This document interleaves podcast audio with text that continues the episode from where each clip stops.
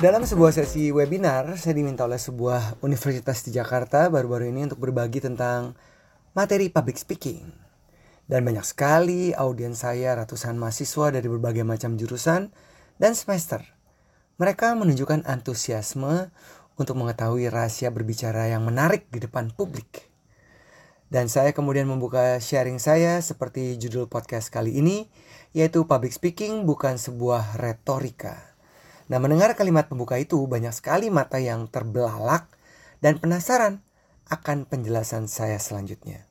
Nah, sebelum saya menjabarkan dalam uraian selanjutnya, kenapa mereka terkejut? Karena dunia sekarang penuh retorok, retorika. Seperti yang diamini oleh banyak generasi muda, generasi Z terutama, di mana mereka kerap bicara dengan lantang. Dan kalau kita perhatikan, minim makna. Sering juga kita membaca caption mereka di tampilan-tampilan timeline begitu tegas. Tapi begitu kita berjumpa dengan mereka ternyata mereka adalah pribadi yang pendiam. Jadi betul ya bahwa komunikasi itu memerlukan konten yang berbobot, tidak hanya sekedar berani bicara. Excuse me, can I please talk to you for a minute?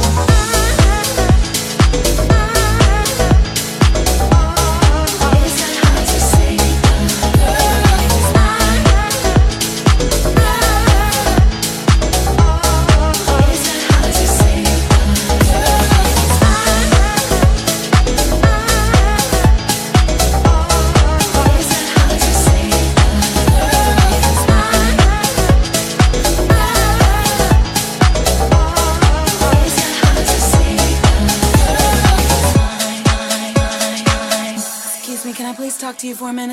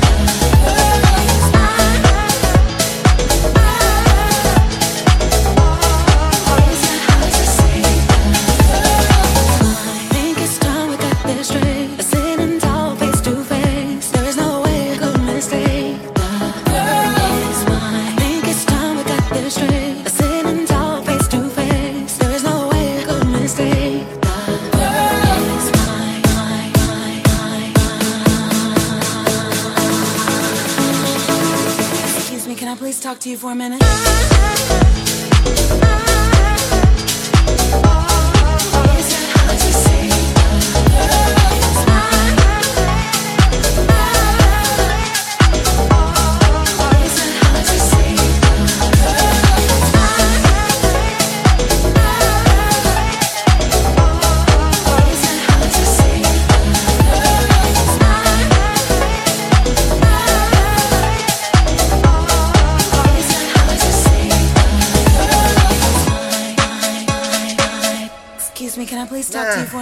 Kalau dalam persiapan yang matang, penyanyi dengan lirik, melodi, aransemen yang bagus seperti lagu yang tadi kita dengerin, mereka tidak akan kehabisan kata-kata.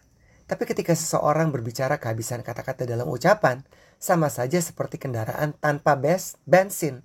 Roda tidak bisa berputar dan tujuan tidak akan kita capai. Dan sayang sekali banyak sekali orang-orang yang makin berkoar-koar tanpa bobot. Dan semakin banyak juga kita jumpai secara langsung maupun bertebaran di media sosial. Ke mana konten yang berkualitas yang dapat memberikan pengaruh besar dalam kita menciptakan perspektif baru dan membuat audiens berpikir juga bertindak. Nah, kami di Talking selalu membuka sesi tentang komunikasi dan menyampaikan ada lima hal penting yang harus dikuasai para komunikator kalau mau dibilang ulung atau mumpuni. Pertama, mereka harus dapat memberikan manfaat, berarti kan konten. Kedua, bicara harus jelas, runut. Ketiga, harus tahu juga alurnya dan manfaat apa yang akan diberikan. Keempat, nggak boleh terburu-buru. Dan yang kelima, mereka nggak boleh ngomong kepanjangan apalagi bertele-tele. Nah, apakah Anda yang mendengarkan podcast saya sudah menguasai lima hal tadi agar menjadi seorang komunikator yang ulung?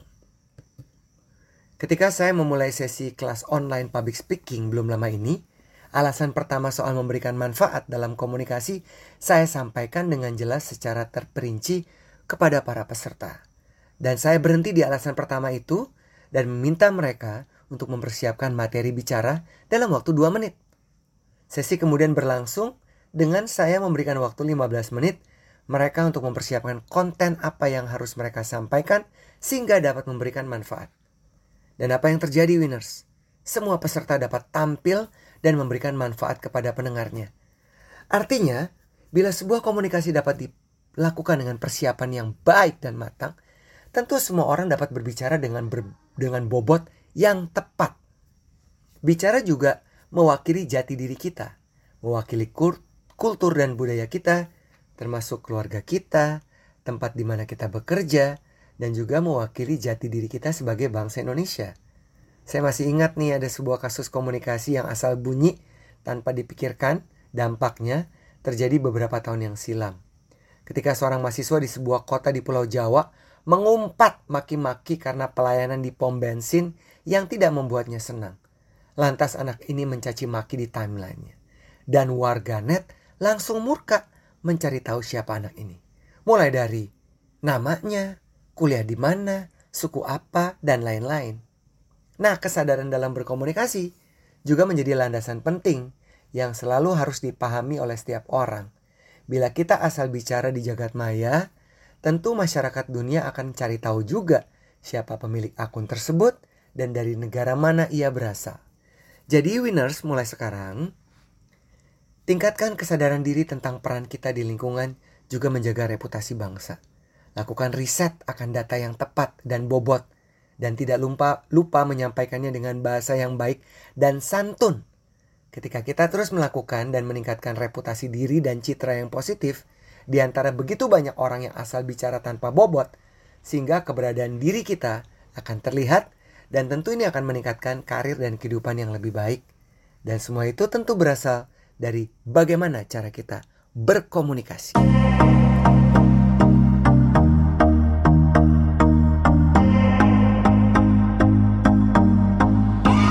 I used to believe we were burning on the edge of something beautiful, something beautiful. Selling a dream, smoking